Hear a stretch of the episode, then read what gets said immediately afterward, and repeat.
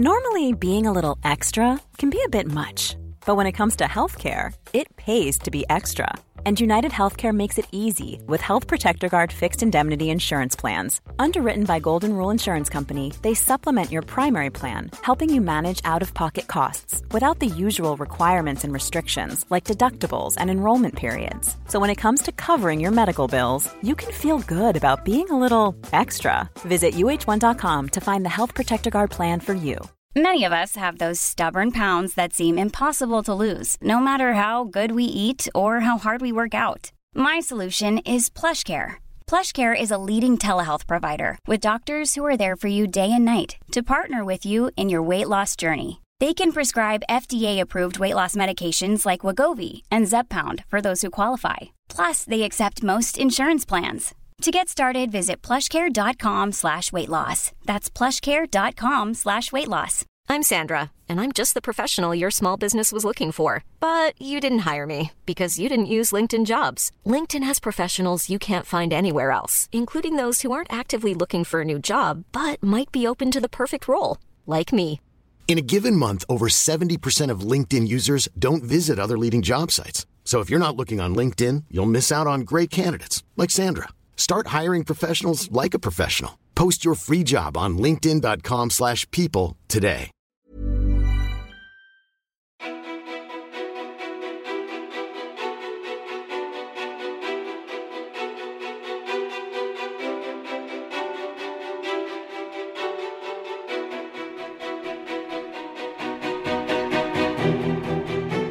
Andrea Hedenstedt är en svensk influencer som vid 23 års ålder redan åstadkommit mängder.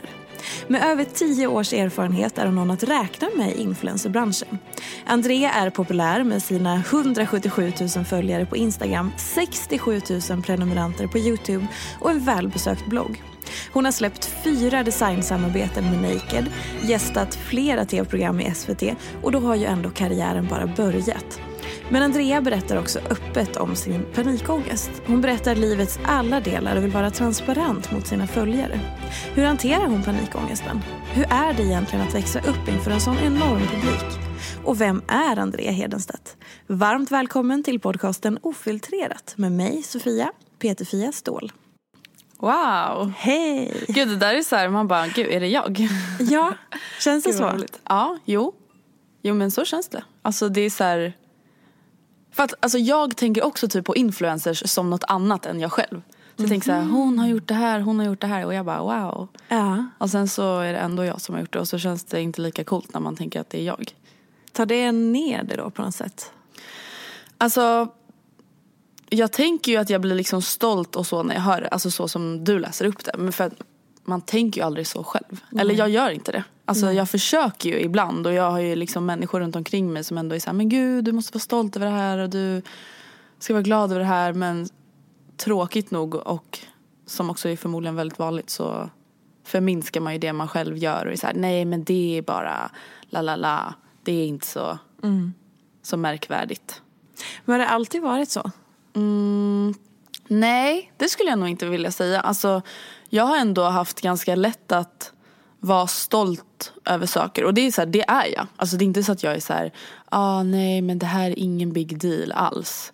Men jag, jag vet. Alltså, jag typ så reflekterar inte så mycket över det. Nej. Det är inte så att jag varje dag går upp och bara, åh oh, jag har 177 000 följare på Instagram, coolt. Säger Eh, det till din egen spegelbild. Ja men precis, nej. Alltså det är väl typ egentligen mer att man inte reflekterar över det. Och kanske egentligen inte ens reflekterar över det när man kanske borde göra det. Men kan det ha, på, mm, kan det ha liksom påverkats av... För var det lättare att vara stolt över saker typ i skolan? När det var en sån prestation? Jo, det skulle jag vilja säga för att det är också så här tråkigt nog lite jante-stolthet. Alltså det är ganska enkelt att vara stolt över saker där ingen blir provocerad över att du är stolt över någonting.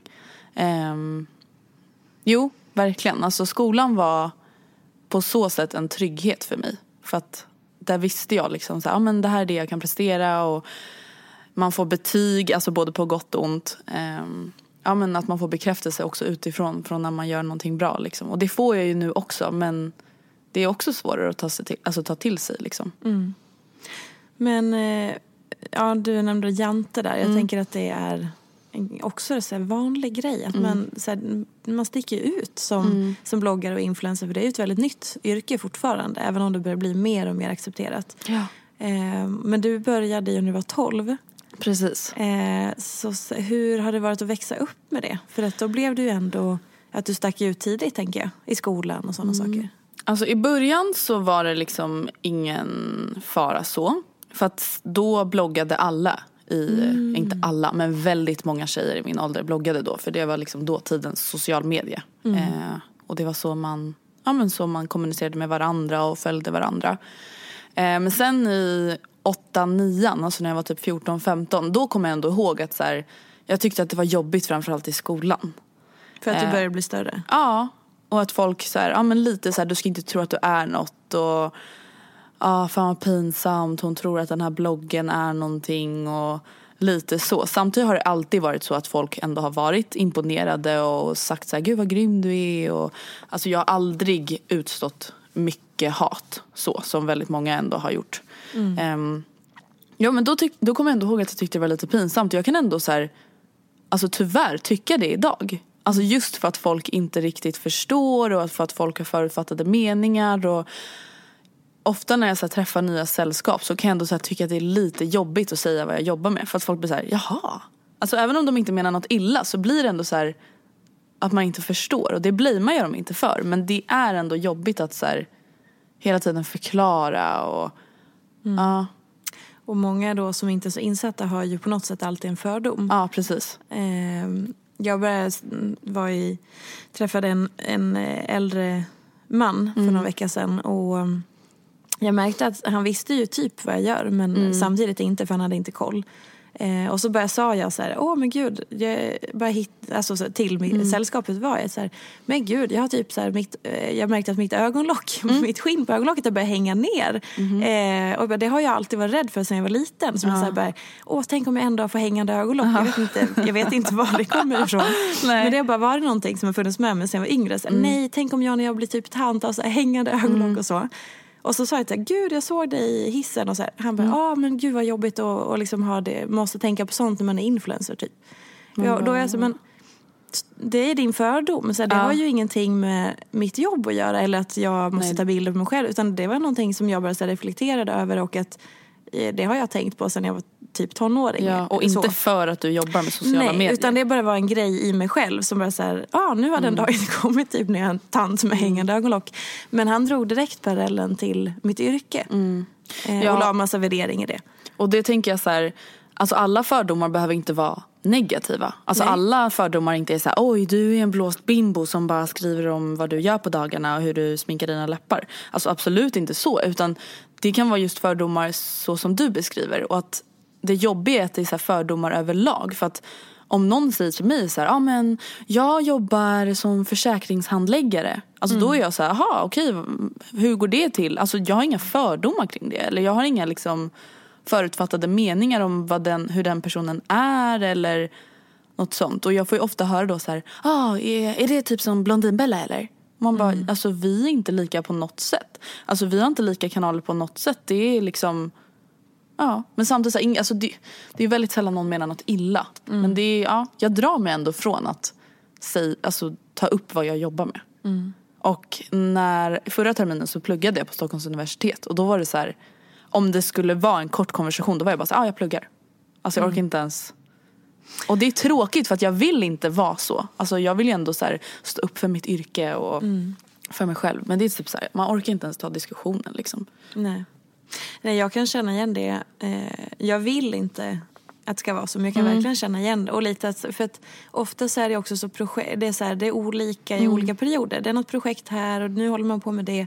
Så det är ju väldigt mycket man Ja. behöver förklara. Eller så här, om man ska gå in på det. Det är, det är ju svårt att säga, ja men jag har en blogg, punkt.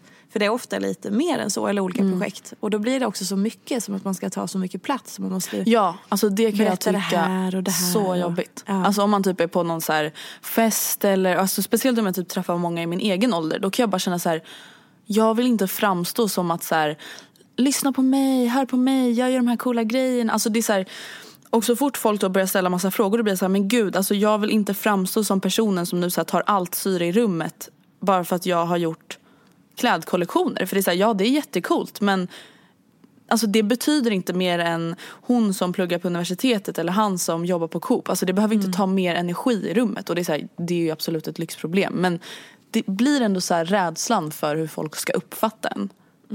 Eh, och så har jag väl alltid känt. Alltså jag har alltid varit väldigt så här brydd om att ändå uppfattas som liksom genuin och down to earth och så. Och värsta mardrömmen är verkligen att någon skulle säga så här Gud du har verkligen liksom fått så mycket luft eller du har så mycket hybris. Alltså det är verkligen så här största mardrömmen ever. Var kommer det ifrån då? Jag vet inte. Alltså, förmodligen för att så här, jag själv tycker ändå att det är ganska ocharmigt. Alltså med eh, folk som inte är ödmjuka. Eh, och jag vet inte. Alltså, det har bara alltid betytt mycket för mig. Liksom, hur folk uppfattar en. För att det, är så här, det är klart att man...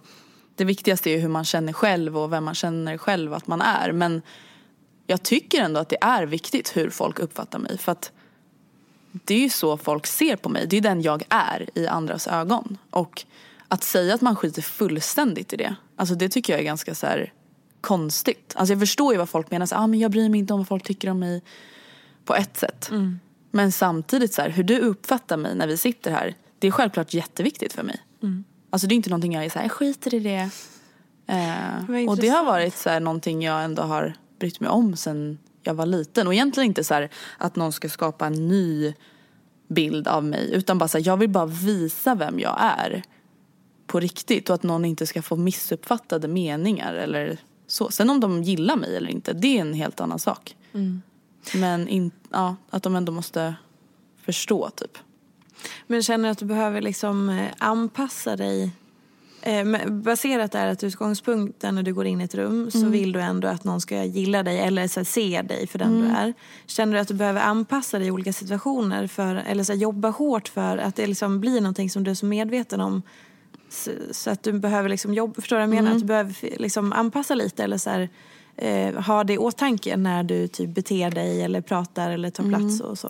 Förut var det så, alltså när jag var tonåring. Då var jag verkligen så här, gud, alltså inte att jag skulle vara så här klassens clown men att det var väldigt viktigt för mig att så här, underhålla folk och verkligen så här, ge 110% av mig själv. Och det behövde inte vara att jag var energisk men det var så att jag var, kände ändå att jag inte var tvungen men att jag ville vara så här 110% närvarande och ge hela mig och, och det blev ju ändå då att man så anpassar sig och så.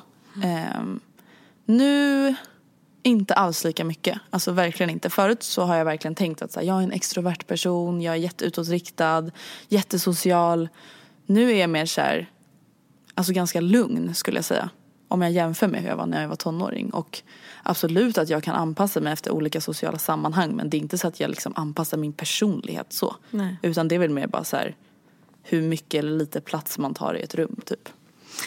Jag bara slogs av när du berättade. Är inte det en ganska så här, om man tittar på hur folk är i skolan så är det ju alltid eh, av det bara som i min världsbild så är det alltid de tjejer som är spralliga, åh jag hatar det ordet, spralliga, energiska, glada som är de populära. Som, som tjej i en skola i det sammanhanget så får man ju inte den populära rollen om man är på ett annat sätt. Nej. Visst är det så? Ja, verkligen. Och det tycker jag är ganska stor skillnad nu till när man är vuxen. Att så här, Det är verkligen inte alltid givet att den så här, mest utåtriktade, den som hörs mest, är den som är populär. Utan ofta tvärtom. Att så här, folk är så här, men gud kan du ta det lite lugnt liksom. Det går Och- ju åt rätt håll Ja, om man säger så. precis. För att på högstadiet, eh, många av alltså, mina kompisar och jag tog väldigt mycket plats och fick då väldigt mycket plats. Mm. Eh, och jag känner inte av det idag, att så här, det är så man blir omtyckt eller Nej, för det känns som att det är en sån tydlig mall i Mm. nästan alla skolor. Nu får folk rätta oss om vi har fel. Men eh, att det är så här, ska du vara en poppis, en kul tjej, en Mm. eh, snygg, populär. Då är det liksom en, en typ av person du kan vara. Du, Typ. kan inte, du kan inte vara en introvert eller lågmäld. Eller, Nej. för då får du inte vara med i det populära Nej. Det är man måste sjukt. armbåga sig fram lite liksom. Ja. Och sen också att så här, de tjejerna får ju ofta en viss typ av stämpel då. För att man är så mycket och så är man liksom, Precis. det blir lite fel i alla fall. Alltså jag vet att jag kunde få höra att så här, ja, men jag och mina kompisar att ah, ni är kaxiga eller ni är bossiga. Och, och man bara, fast vi gör bara vad vi vill. Alltså det är inte så jättekonstigt att så här, bara för att ni killarna på rasten säger att vi ska spela fotboll. Att vi bara, ja whatever, vi ska inte göra det, vi går och gör något annat. Ja, ah, ni är så jävla uppkäftiga, ni är kaxiga, ni tror att ni är något. Man bara, ja, eller inte. De eh, vill bestämma. Ja. Och då uppfattades det som väldigt så här galet när vi bestämde över oss själva liksom. Som att vi tog då jättemycket plats. Ja. Man bara, nej, inte egentligen. Det är också helt sjukt. Ja. Men eh, du har ganska gott självförtroende. Jo men det skulle jag säga. Det, det är dock ganska känslostyrt. Det påverkas väldigt mycket av så dagsform och kan få väldigt så här, tydliga svackor så. Men rent generellt så skulle jag ändå säga att så här, nu, snart 23 år, så jag känner mig ganska så stabil typ i mitt mående och i min självkänsla och mitt självförtroende. Ehm, när jag var yngre så var väl självkänslan som ganska vanligt inte lika bra. Utan mycket låg i självförtroende. Att så här, jag mådde bra när jag presterade bra och så. Och nu är inte det riktigt lika viktigt. Utan ja, alltså det viktigare är att jag mår bra och att jag har mina relationer så som jag vill ha dem. Och att folk runt omkring mig mår bra och att jag känner att jag gör vad jag vill göra och sådana saker. Men Hur, hur har det landat i det då? Hur har du kommit dit? Alltså, jag vet inte riktigt faktiskt. Alltså, på ett sätt så, mycket tack vare att jag bara har blivit äldre och så här, varit med om fler saker och insett att så här, vissa kompisar är inte är värda att ha. Man kan välja sina kompisar. Man måste prioritera det man själv tycker är kul. För att så här, annars är det bara du som kommer ta skada av det. Alltså egentligen bara att så här, man har lärt sig med tiden vad som är viktigt för mig. Och att så här, okej, det var jättekul att jag till exempel fick A på det här provet. Men det är inte någonting som gör mig lycklig, alltså mer än kortvarigt. Och det lärde jag mig mycket under gymnasiet. Att så här, ja men att, ja men så här, materiella saker eller att så här, ja du vann en fotbollsmatch men alltså det är kul men det är ingenting som liksom stärker mig som person. Det som stärker mig som person är hur jag behandlar mina kompisar eller hur jag agerar i vissa situationer eller hur folk bemöter mig liksom. Eh, och det tog lite tid liksom.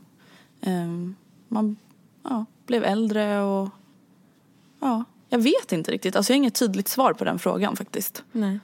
Det har bara kommit med tiden. Eh, om vi går tillbaka lite till det här att du har vuxit upp med sociala medier och att det blev ditt jobb ganska tidigt.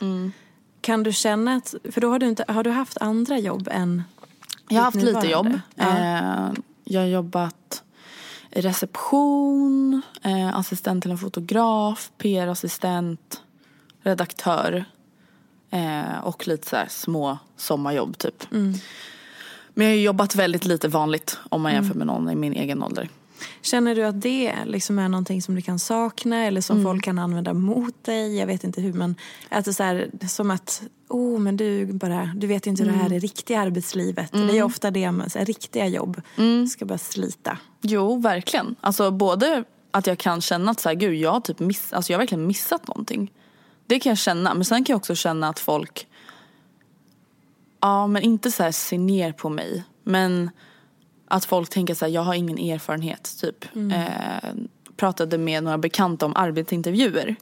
Och de bara, men du har ju aldrig varit på någon arbetsintervju. Och jag bara, nej men jag har varit på 111 000 säljmöten. Alltså det är basically the same. Alltså att jag sitter och förklarar varför jag är rätt person för det här jobbet och varför vi ska jobba tillsammans. Och, alltså det är ungefär samma sak. Ehm, men jag kan ändå känna så här, gud jag har ing, alltså att jag har brist på kunskap inom till exempel att vara anställd. Jag frågade till exempel min syrra, jag bara, men så här, när du får semester, är det liksom, vadå får du betalt då? Och hon bara, eh, ja Andrea, betald semester, det är liksom typ lag på det. Jag bara, aha men jag har ingen aning. Och då känner jag så här, men gud alltså. Ja. Och då typ värdesätter jag inte det jag har lärt mig genom att vara egen och jobbat med det jag gör. Utan då tänker jag bara så här, men gud jag måste ju skärpa mig. Jag måste ju, Ah, som att det är som att du har liksom släckat efter Ja. och inte gjort någonting då. ja. Istället för att säga så här, okej men nu, visst du har inte lärt dig massa saker om att vara anställd men du har ju, driver ju eget. Ja. Och de som är anställda har ju aldrig drivit eget. Nej. Så ni sitter ju på liksom Olika olika, kompetenser och kunskaper. Det Men ena är kan inte ändå- bättre eller sämre. Nej, men det blir just det här det normativa. Mm, att man bara, men gud jag är inte en del av det. Då känns det som att man missar någonting liksom. Men sen är det också så att i och med att jag gjort det här så himla länge. Så blir det liksom att här, jag aldrig varit en del av det. Eh, och därför vet jag typ inte riktigt vad jag saknar heller. Ehm, men, ja. Vad tänker du att, eh, så här, framåt, Mm. ehm, skulle det vara svårt för dig att lägga ner det du gör idag och bara helt plötsligt byta bana? Jag tror att det skulle vara väldigt svårt för mig att lägga ner helt. Eh, för att alltså när tanken har kommit till mig att okej men om jag skulle sluta med det här nu och liksom söka ett vanligt jobb eller någonting så. Så blir jag så här, men vadå ska jag typ radera mitt Instagramkonto då? Och starta ett nytt? Och tänka att det ska vara så här ett halvprivat konto typ. Så bara nej men det skulle jag inte göra. Eller så här, eller skulle jag? Och så bara jag skulle kanske fortsätta uppdatera bloggen när jag tycker att det är kul. Och det gör jag ju nu också. Så att jag vet inte riktigt hur det där skulle gå till. Det är typ om jag skulle hitta någonting som jag känner ersätter intresset. Om jag skulle hitta någonting som jag tyckte var mycket roligare så skulle det nog successivt rinna ut i sanden. Men jag tror inte att det skulle vara så här från en dag till en annan. Att allt upphör liksom. Nej. Utan det är nog mer att jag bara skulle sluta jobba aktivt med det. Utan bara vara lite så här, ja, när det är kul. Typ. Så som det var innan jag började jobba med det. Känner du att det skulle vara så här någon prestigegrej i det? Så här, ja, lägga ner för nu, Ja, nu, alltså, för, nu, nu vill de inte ge henne samarbeten längre. Eller nu. ja absolut. Alltså, Jag och Matilda har ju bestämt att vi ska lägga ner vår podd till exempel i december. Och det var ju verkligen så här, det är någonting som vi kanske båda har känt i alla fall hela 2018 att så här, okej nu, nu är det inte så kul längre och ja, men att så här, andra intressen tar över. Att man prioriterar inte längre det och det är inte så jätteroligt längre och det är ganska svårt och så. Då har man ändå känt att så här, att andra kommer se det som ett misslyckande och därmed kommer jag känna att det är ett misslyckande för jag känner inte det egentligen, alltså helt så här själv. Då känner jag bara så här, okej, bra beslut. Om det inte är kul längre då lägger vi fokus och energi på något annat. Vi har gjort det här jättelänge, vi har gjort det jättebra. Men då blir det så här, alltså jag vet ju att folk inte menar illa när de säger så men bara så här bekanta till mig, de bara, "Ha, är det ingen som lyssnar längre? Man bara, jo, men, men så här, folk kan inte tänka att man bara vill lägga ner någonting. Utan då är det så här, ah, det, ni tjänar inga pengar på det eller? Man bara, men alltså det har ingenting med det att göra. Så på så sätt så känns det ju som att, att tol- folk tolkar det som ett misslyckande så kan man ju känna så. Så jag har redan fått smaka på det lite nu.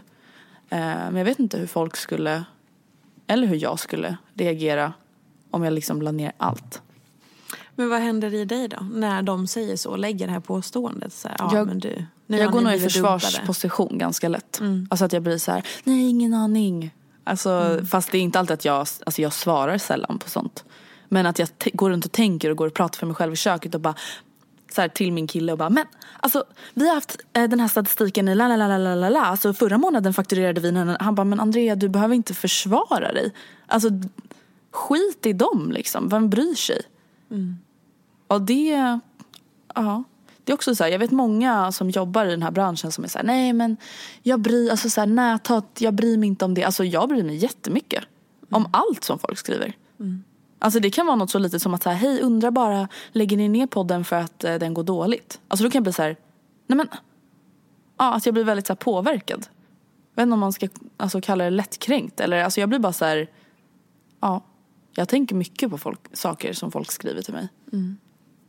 Ja, för jag, när jag har researchat Mm. och gått in i din värld i allt jag har hittat så använder du det ordet i något annat sammanhang. Att du, så här, du lätt tar åt dig av saker Mm. och just lättkränkt. Eh, men hur påverkar det? måste vara skitjobbigt. Ja, Är alltså det? verkligen. Eller det är min fördom Ja. om att vara lättkränkt. Att så här, För då går saker in. Jag Alltså, här, också jag blir mer så. lättkränkt, alltså jag är mycket mer lättkränkt av folk på nätet än i verkligheten. Mhm. Och det är också det som är så konstigt. Men det är just för att så här, ni känner inte ens mig. Och ändå sitter ni här och så här, kastar skit på mig. Alltså det är så orimligt i min värld. Och det är så orimligt också att så här, skriva någonting dumt till mig för att skriva någonting dumt till mig. Alltså det, så här, det funkar inte i min hjärna. Och också att så här, folk bara kastar ut bajs Och så kan inte ens jag föra en dialog med de människorna. det är också det som, så här, det, alltså egentligen mer att jag blir kränkt, det är typ mer att jag blir provocerad. Att jag blir så här, men det är orimligt. Det är bara taskigt från Ja, för avstånd så här, skulle, någon, eh, skulle någon kompis till mig säga någonting dumt då skulle jag kunna bemöta det. Alltså på ett normalt sätt. Och vara så här, fast vet du vad, så, alltså, det där var inte schysst sagt. Eller så här, varför säger du så? Medan folk på nätet, alltså jag blir så här, vad gör ni? Alltså jag blir, jag blir så här ledsen av hela grejen. Inte just kanske vad de har skrivit utan mer, jag blir alltid mycket mer ledsen över alltså, att de ens skriver någonting dumt. Det är för mig så obegripligt. Vad är det värsta som du, som du kommer ihåg? Eller som har påverkat dig Mm. mest? Det var när jag och Matilda gjorde en poddserie om eh, sexuella trakasserier och övergrepp. Alltså då fick ju jag dödshot av män. Och det var dock så här, det påverkade mig inte så mycket som jag skulle kunna tro.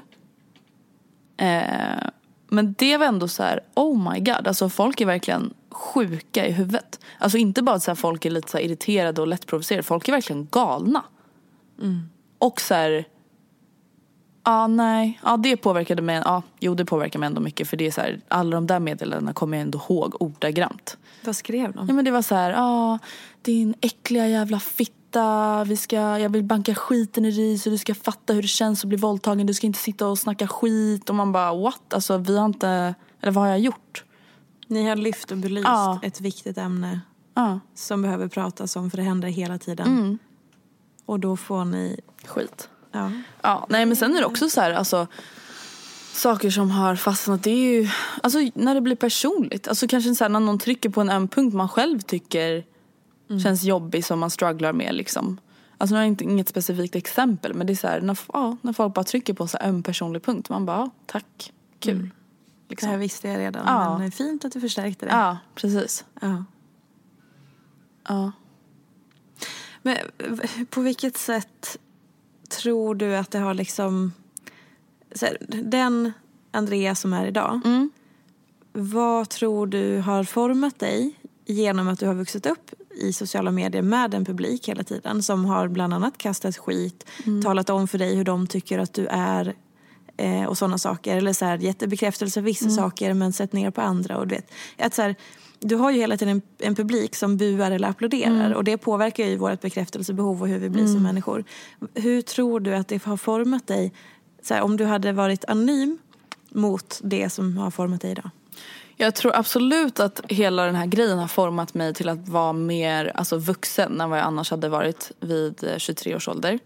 Eh, jag tror absolut att jag alltså, har vuxit som person av det. Alltså både på gott och ont men jag känner ändå att det är mest gott. Eh, att jag känner att så här, ja, men jag har varit självständig länge och jag har ja, men haft mycket disciplin och tagit eget ansvar och ja, men ändå så här, jobbat sedan jag var typ 14 år och verkligen gjort det alltså hela tiden. Eh, jag skulle säga att det påverkade mig väldigt mycket just när jag var typ så här 14 till 18. Alltså med så här vad jag hade på mig, eh, vad jag gjorde, vad jag åt, vad jag inte åt, vad jag inte hade på mig. Eh, sen är det så här, ska jag inte sticka under stolen att det är klart att jag påverkas av trender och social medietrender nu också. Men då kunde jag ändå känna att så här, om jag inte gör det här så uh, ja, då är inte jag någonting att ha eller då är inte jag aktuell eller så. Men samtidigt känner jag att så här, jag hade nog påverkats på det sättet, kanske inte lika stor utsträckning när jag var i den åldern ändå. Ehm, men jag tror att det har ändå gjort mig mer hårdhudad än vad jag hade varit annars. För jag är en känslig person, alltså det hade jag varit oavsett vad jag hade jobbat med. Men jag tror ändå att jag har lärt mig att hantera kritik och klagomål och hat bättre än vad jag hade gjort om jag inte hade fått det här. Alltså då hade jag inte fått öva. Och då hade kanske liksom varenda litet nederlag känts ännu större. Mm. Ehm, jag vet inte, det är svårt att så här, tänka okej så här hade jag varit om jag inte hade gjort det här för att så här, det här är allt jag har gjort. Såklart. Men jag tror inte att det har påverkat min personlighet så mycket. Ehm, men absolut kanske hur jag reagerar på vissa saker och vad jag är van vid och vad jag inte är van vid. If you're looking for plump lips that last, you need to know about Juvederm lip fillers. With Juvederm Volbella XC and Juvederm Ultra XC, your lip look, whether it's subtle or bold, can last up to one full year with optimal treatment and no additional maintenance. Find a licensed specialist and see if it's right for you at juvederm.com today. That's J U V E D E R M.com. Add fullness to lips in adults over 21 with Juvederm Volbella XC or Juvederm Ultra XC. Do not use if you have severe allergies or a history of severe allergic reactions, or if you're allergic to lidocaine or the proteins used in Juvederm. Tell your doctor if you have a history of scarring or taking medicines that decrease the body's immune response or that can prolong bleeding. Common side effects include injection site redness, swelling, pain, tenderness, firmness, lumps, bumps, bruising, discoloration, or itching. As with all fillers, there's a rare risk of unintentional injection into a blood vessel, which can cause vision abnormalities, blindness, stroke, temporary scabs, or scarring. For full important safety information, visit juvederm.com. Ryan Reynolds here from Mint Mobile. With the price of just about everything going up during inflation, we thought we'd bring our prices down. So to help us, we brought in a reverse auctioneer, which is apparently a thing. Mint Mobile unlimited premium wireless. Ready to get 30, 30, bit to get 30, bit to get 20, 20, 20, bit to get 20, 20, bit to get 15, 15, 15, 15 just 15 bucks a month. So, Give it a try at mintmobile.com slash switch. $45 upfront for three months plus taxes and fees. Promo rate for new customers for limited time. Unlimited more than 40 gigabytes per month. Slows. Full terms at mintmobile.com. Mom deserves the best, and there's no better place to shop for Mother's Day than Whole Foods Market. They're your destination for unbeatable savings, from premium gifts to show-stopping flowers and irresistible desserts. Start by saving 33% with Prime on all body care and candles. Then get a 15-stem bunch of tulips for just $9.99 each with Prime. Round out Mom's menu with festive rosé, irresistible berry chantilly cake, and more special treats. Come celebrate Mother's Day at Whole Foods Market. Hey, it's Paige DeSorbo from Giggly Squad. High quality fashion without the price tag. Say hello to Quince. I'm snagging high-end essentials like cozy cashmere sweaters, sleek leather jackets, fine jewelry, and so much more. With Quince being 50 to 80% less than similar brands. And they partner with factories that prioritize safe, ethical, and responsible manufacturing. I love that. Luxury quality within reach. Go to quince.com slash style to get free shipping and 365 day returns on your next order. Quince.com slash style. Kan du se skillnader på, så bara i din umgängeskrets, folk Mm. i din ålder och dig själv, hur ni resonerar eller tänker Mm. eller sådana saker?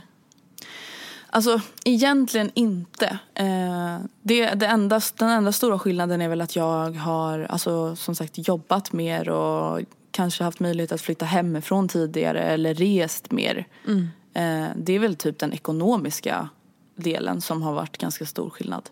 Men annars skulle jag inte säga det. Alltså det är så här, vi festar likadant, vi har samma kärleksproblem, vi bråkar med våra föräldrar på samma sätt. Alltså det är ju ingen skillnad. Nej. Verkligen inte. Eh, du har ju berättat om eh, panikångest Mm. eh, och jag hittade ett inlägg som du skrev, eh, jag tror att det var ganska precis ett år sedan, där du Mm. beskrev liksom att du satt i en taxi eh, och berättade väldigt detaljerat om just det, vad som hände i dig, Mm. att du var tvungen att ringa till din pojkvän och att du liksom behövde, ja, du, Mm. allting bara försvann men du kunde liksom hitta stöd i han och så. Mm. Är det enkelt och självklart för dig att dela med dig av, av din panikångest? Alltså, nu skulle jag inte riktigt vilja säga att jag lider av panikångest. För jag har haft två panikångestattacker. Eller som vad jag tolkar som panikångestattacker. För jag har inte liksom fått någon diagnos eller så. Men det är inte alltid självklart för mig att dela med mig av hur jag känner. Eh, speciellt inte i sociala medier. Och det upplever jag också som problematiskt att folk tar för givet. Folk är så här, men hallå, du skriver aldrig om hur du känner längre. Man bara, nej men det kanske är för att jag inte känner mig beredd att göra det. Eller jag känner mig inte bekväm med det. Men efter det, alltså det där hände nog för, jag tror att det hände för tre, nej, två och ett halvt år sedan och så skrev jag om det för två år sedan. Eh, och det var ändå så här, då kände jag att jag ville skriva om det. Alltså då kände jag ändå så här, jag kommer må bättre av att skriva om det här och jag känner att jag vill dela med mig av det här. Eh, just för att jag tror att många kan känna igen sig. Och det jag, jag tror att jag skrev om det, men det jag i alla fall upplevde då, det var att jag kände mig väldigt, väldigt ensam. Eh, jag var så här, gud jag har precis varit hos min bästa vän och var på väg hem till mitt ex då. Och bara kände sig ändå så ensam. Alltså, och det var ingenting de, någon i min närhet hade gjort mot mig. Eller så här, hade fått mig att känna. Jag bara kände mig så här, gud jag vet inte. Jag vet inte vem jag är eller jag vet inte vad jag vill eller. Jag vet inte, alltså jag vet inte riktigt vad som hände men jag fick ju bara jättesvårt att andas och bara kände så här, gud jag kommer typ spy om jag inte får komma ur den här taxin och bara ställde mig liksom utanför mitt hus när jag kom fram och kunde inte andas och kunde inte gå upp för trappen och bara såg svart. Och det var bara, ja men det var ändå nog första gången som så här, ångest verkligen, verkligen tog fysisk form för mig. Absolut att jag förut har känt så här, tryck över bröstet eller ont i magen. Mm. Eh, och just i och med att det var ändå så starkt och obehagligt så kände jag ändå att sen när jag hade återhämtat mig från det att så här, jag vill ändå dela med mig av det och ja, att uppmuntra till att folk ska prata om det. Mm. Och sen så hände det igen eller hade det hänt en gång tidigare Eh, det har hänt en gång till efter det. Ehm, det har jag inte skrivit om än. Och det, är så här, det känner jag mig inte riktigt eh, beredd att prata om. Men det har hänt Nej. igen. Och att det liksom, ja, men att det tog så här fysisk form. Och att man kände att så här, gud det är någonting som händer i min kropp. Eh, men båda gångerna så var jag ändå så att jag förstod att så här, det här är ångest. Eh, det är inget fel på min kropp utan jag förstår att så här, det här är för att jag mår psykiskt dåligt liksom. Ehm, och det är egentligen när det har bubblat över. Alltså när jag inte har dealat med vad jag känner där och då. Det har jag blivit så mycket bättre på. Att om jag känner att så här, åh gud jag har så mycket liksom oro eller jag har sån stress. Alltså så brukar jag verkligen nu för tiden alltså skriva exakt vad jag känner och vad jag är orolig inför och vad jag är stressad inför. Prata med antingen alltså bästa kompis eller föräldrar eller ja, min pojkvän. Ehm, och det brukar också hjälpa. För att det, här, det kan vara något så litet som att så här, ah, det är den här uppgiften i skolan och jag vet inte hur jag ska börja den här uppgiften. Och så bara blir det till en så här stor grej inom en. Och sen när man bara benar ut det så bara okej men då är det ju bara att jag mejlar läraren. Alltså jag behöver inte så här tänka att allting ska gå åt helvete bara för att jag inte vet just nu. Um, men min ångest har verkligen blivit så mycket bättre senaste året skulle jag säga. Alltså 2018 har verkligen varit väldigt ångestfritt för mig. Ehm, men det, det där har också gått så upp och ner och jag tror inte att jag aldrig mer kommer känna ångest. Alltså absolut inte. Utan det går upp och ner. Men jag känner att jag liksom har lärt mig hantera det bättre. För att när jag var yngre då kunde det vara så här. Även om jag inte då fick panikångestattacker. Så här, jag började liksom så här, ja, kanske känna att någonting var jobbigt. Eller ha en konstig obehagskänsla i magen. Och bara så här, nästan grodde mig i det. Alltså inte medvetet men nästan så medvetet. Jag var så stressade nästan upp mig medvetet för att jag visste typ inte annars vad jag skulle göra med den känslan. Än att så ta in den, ta in den, ta in den. Eh, och nu så är jag ju inte så. Utan är så här, försöker vara ganska så här, ändå hård och logisk mot mig själv. Och så här, Andrea, är det rimligt att sitta och så här, ha panik över det här? Nej. Varför har du det? Nej men det är bara för att jag känner att jag har tusen bollar i luften just nu. Okej men vilka är de här tusen bollarna? Okej skriv ner, skriv ner, skriv ner. Nästan som en så to-do-list. Att så här, okej det här, jag har panik över att jag inte har svarat på det här. Jag borde ha tagit tag i det här, jag missade det här. Ja men hör av dig till den som du glömde bort att träffa på torsdagen och be om ursäkt. Och sen kommer det förmodligen vara löst. Ja. Det är bara så här, bena ut det är mitt största så verktyg just nu.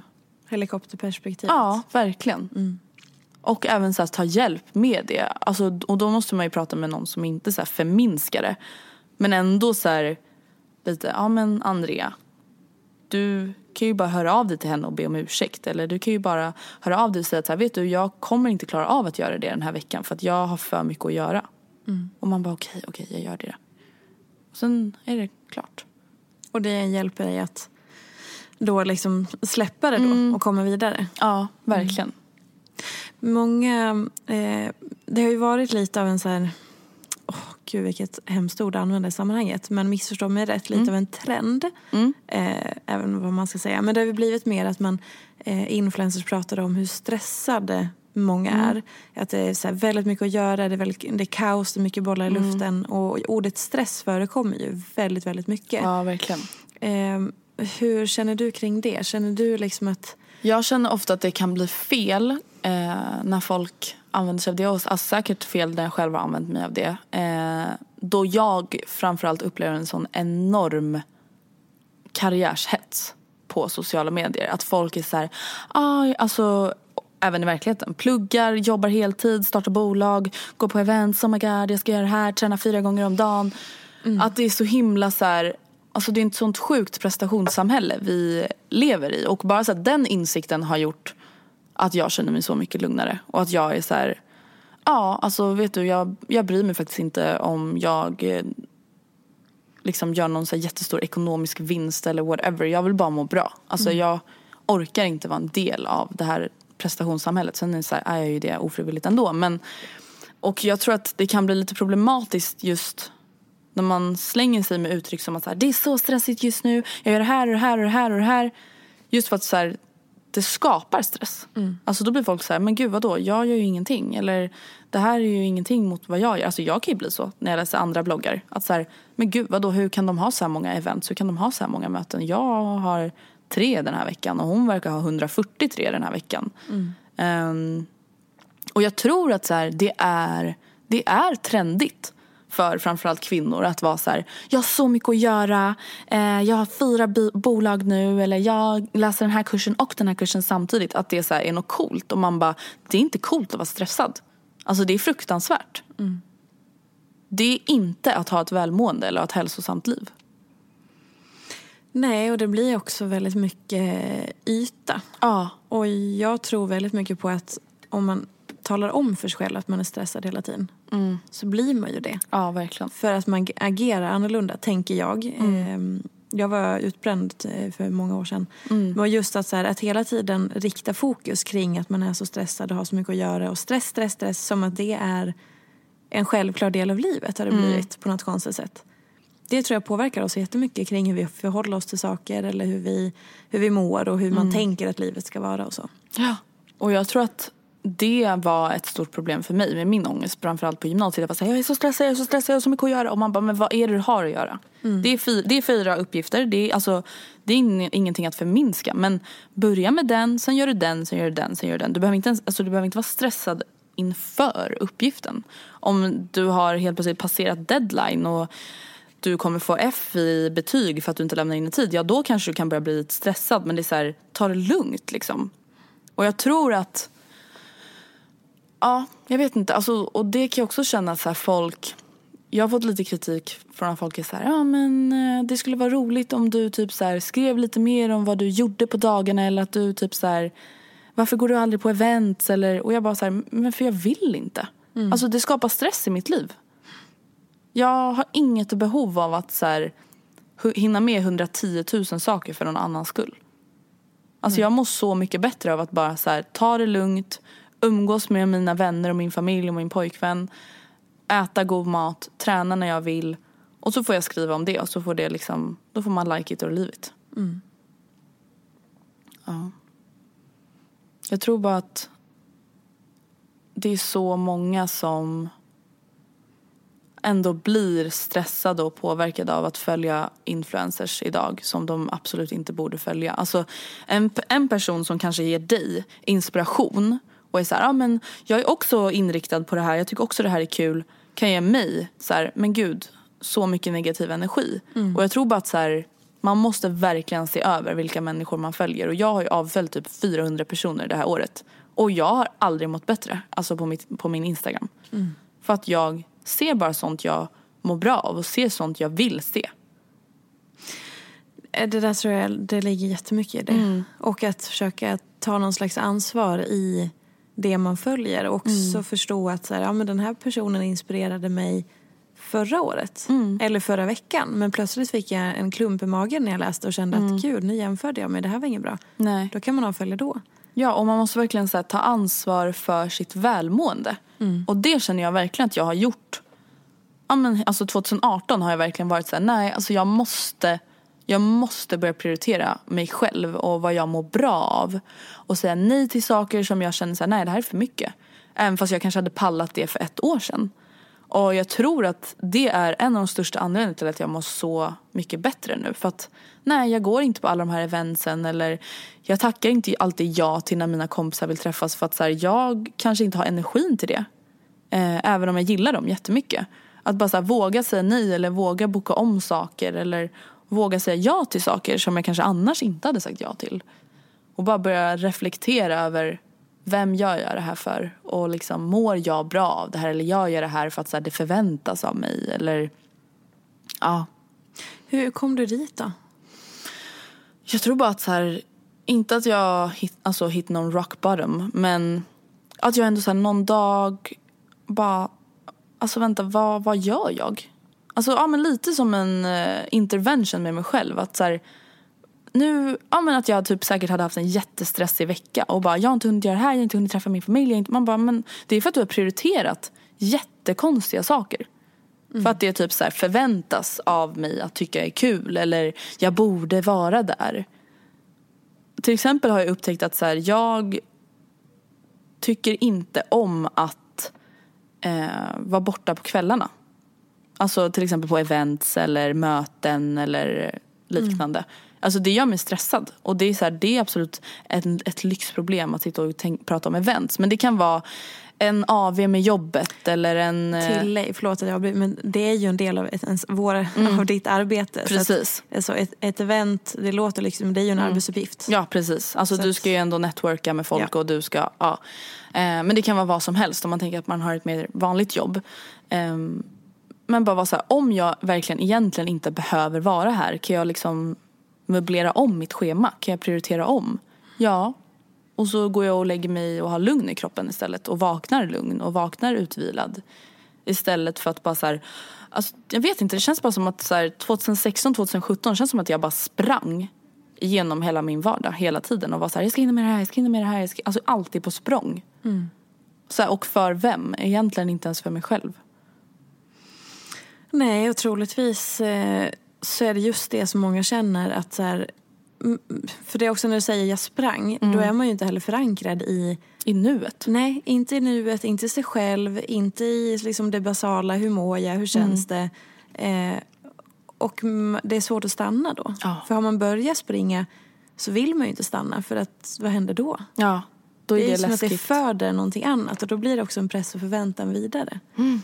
Jag tror att det är så många unga kvinnor som just har det här, så här prestationsprinsessa, att man, man vill vara duktig och man vill vara bra. Och, alltså jag känner ju fortfarande att så här, ja men när folk var så här, men vadå ska du inte fortsätta plugga efter sommaren? Och jag var så här, ja, nej men eh, det är kanske, alltså så här kommer massa ursäkter. Man bara, nej men jag tyckte att det var skittråkigt. Mm. Jag fick inte ut någonting av det. Därför ska jag inte plugga.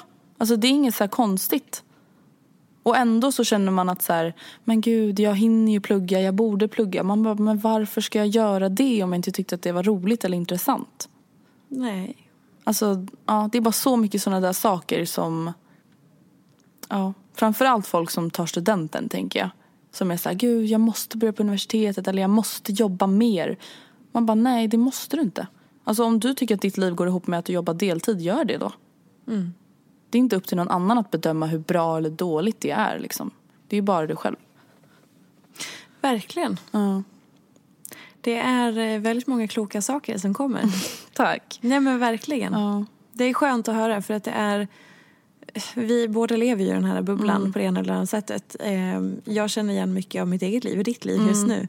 Ehm, och kan ju vara så här, gud vad jag missar saker som egentligen borde vara bra för mitt jobb. Mm. Jag går inte heller på så mycket events. Jag är, nästan, jag är aldrig borta på kvällarna. Eh, det är väldigt sällan som jag gör saker som säger, ja ah, men det där vore ju bra. Som så känns spännande kanske. Ja, nej. Och det är väl okej, okay. man löser det ändå. Mm. Ja och jag är verkligen så här, okej okay, mitt liv kanske så här, rent bloggmässigt är tråkigare än någonsin. Men alltså jag mår ju bättre än någonsin. Och det är ju det absolut viktigaste. Vad får du för respons då? Alltså vissa har ju ändå varit så här, ja ah, men just så här, ah, så här, det känns som att du inte gör någonting om man jämför med många av dina kollegor. Och jag bara så här, men jag kommer inte åka till Ibiza för att du ska bli nöjd. Alltså fattar du inte hur sinnessjukt det är av dig att ens här be mig? Ja. Är det någon som har bett dig så ja, men typ. specifikt? Typ. Ja. Ja men så här, varför, varför inte du på en massa resor? Eller så här, har du inte råd att resa? Eller varför reser inte du? Och man bara, men herregud människa, och nu reser jag jättemycket om man jämför med en alltså, vanlig random svenne. Och det är så här, jag reser absolut inte för bloggens skull. Och jag vet dock att så här, jag fattar att folk kanske tänker att jag gör saker för innehållets skull. För att jag vet att många gör det. Och jag vet att många ändå skriver så här, ja, ah, jag åker hit för att fota eller jag åker hit för att skapa content. Och det är så här, fine, gör det om det känns bra för er. Men jag, alltså jag kan inte i min vildaste fantasi se att jag skulle göra det. För att jag, alltså jag vet inte, det skulle, nej. Nej. Jag tänker att min blogg och mina sociala kanaler, att jag kan jobba med det utifrån hur jag lever mitt liv. Det är liksom ett privilegium, privil, privilegium och en ynnest. Någonting som jag bara känner så här, gud wow vad kul. Men jag kommer aldrig börja anpassa mitt liv efter att det ska vara roligt att följa.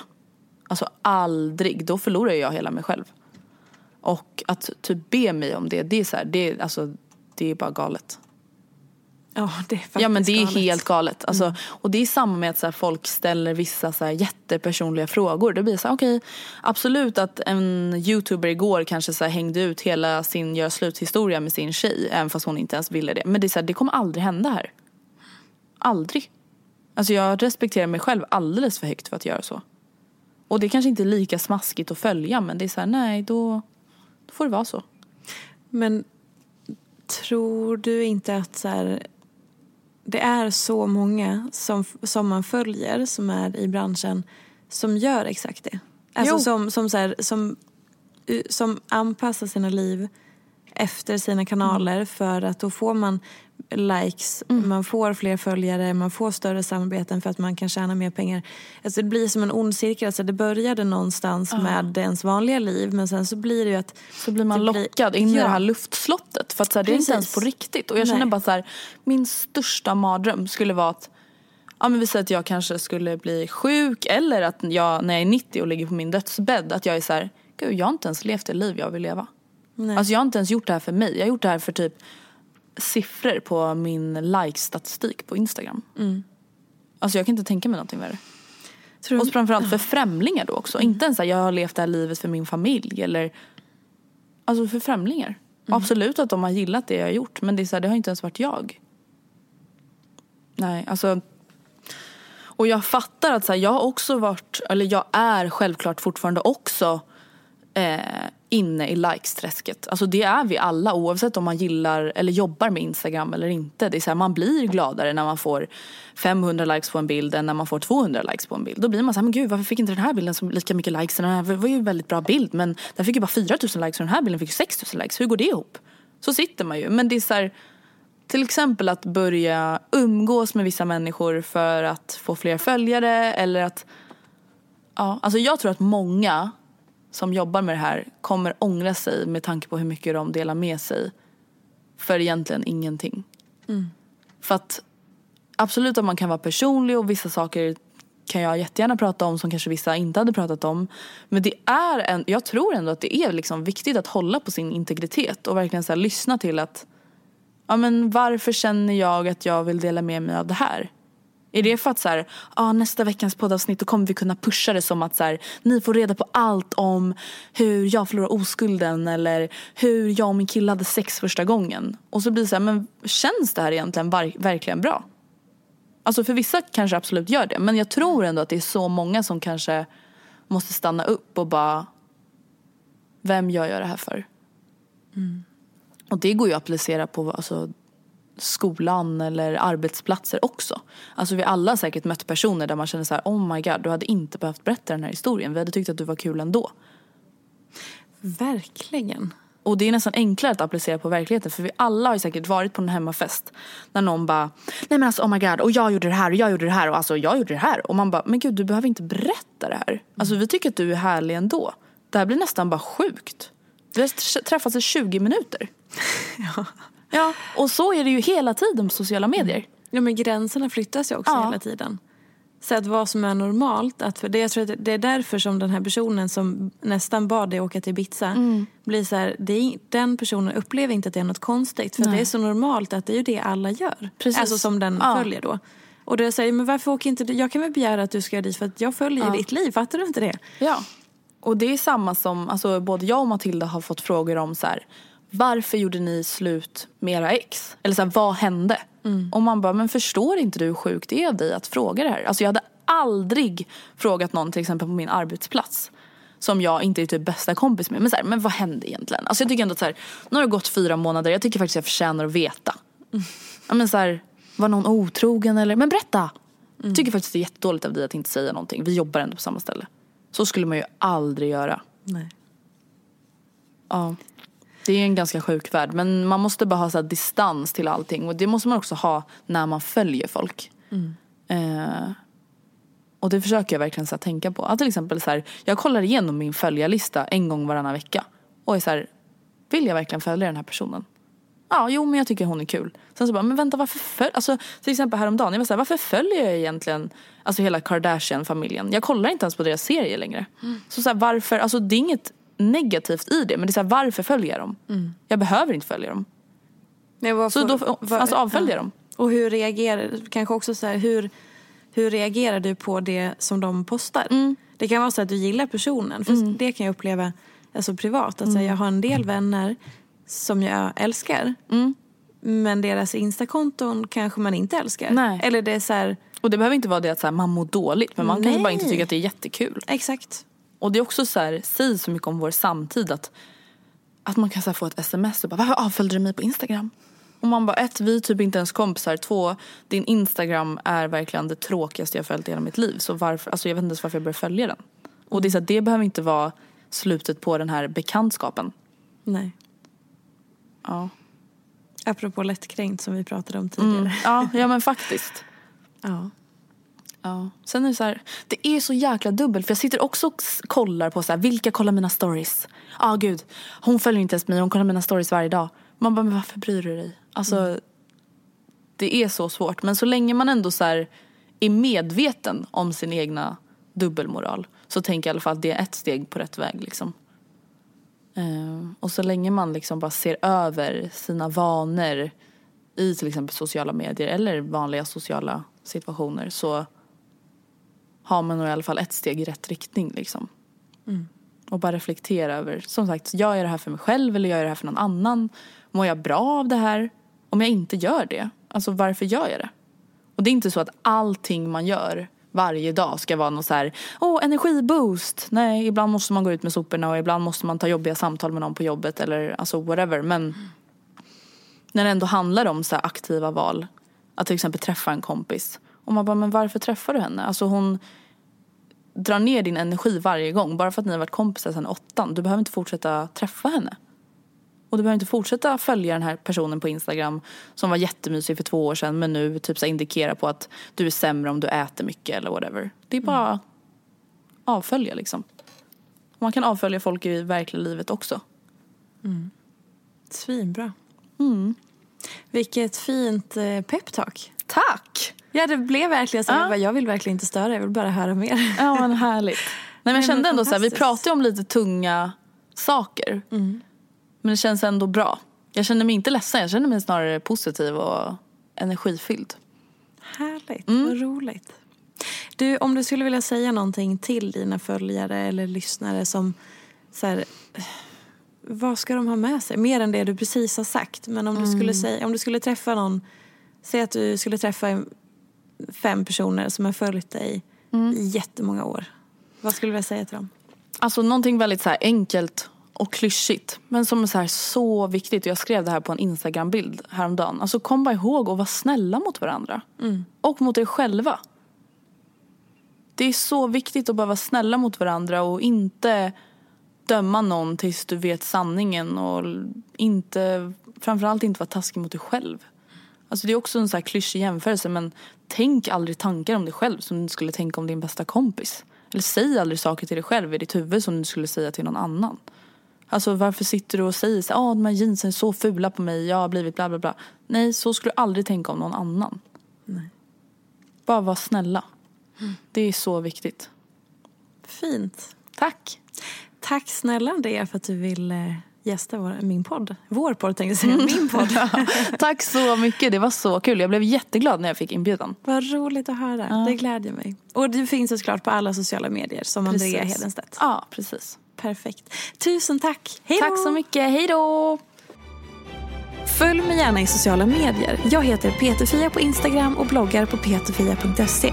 Vill du komma i kontakt med mig så gör du det på info.peterfia.se.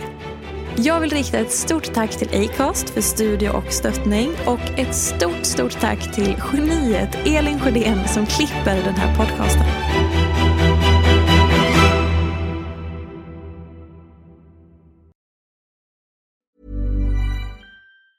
Even when we're on a budget, we still deserve nice things. Quince is a place to scoop up stunning high-end goods for 50 to 80% less than similar brands. They have buttery soft cashmere sweaters starting at $50, luxurious Italian leather bags, and so much more. Plus, Quince only works with factories that use safe, ethical, and responsible manufacturing. Get the high-end goods you'll love without the high price tag with Quince. Go to quince.com/style for free shipping and 365-day returns. Mom deserves the best, and there's no better place to shop for Mother's Day than Whole Foods Market. They're your destination for unbeatable savings, from premium gifts to show-stopping flowers and irresistible desserts. Start by saving 33% with Prime on all body care and candles. Then get a 15-stem bunch of tulips for just $9.99 each with Prime. Round out Mom's menu with festive rosé, irresistible berry chantilly cake, and more special treats. Come celebrate Mother's Day at Whole Foods Market.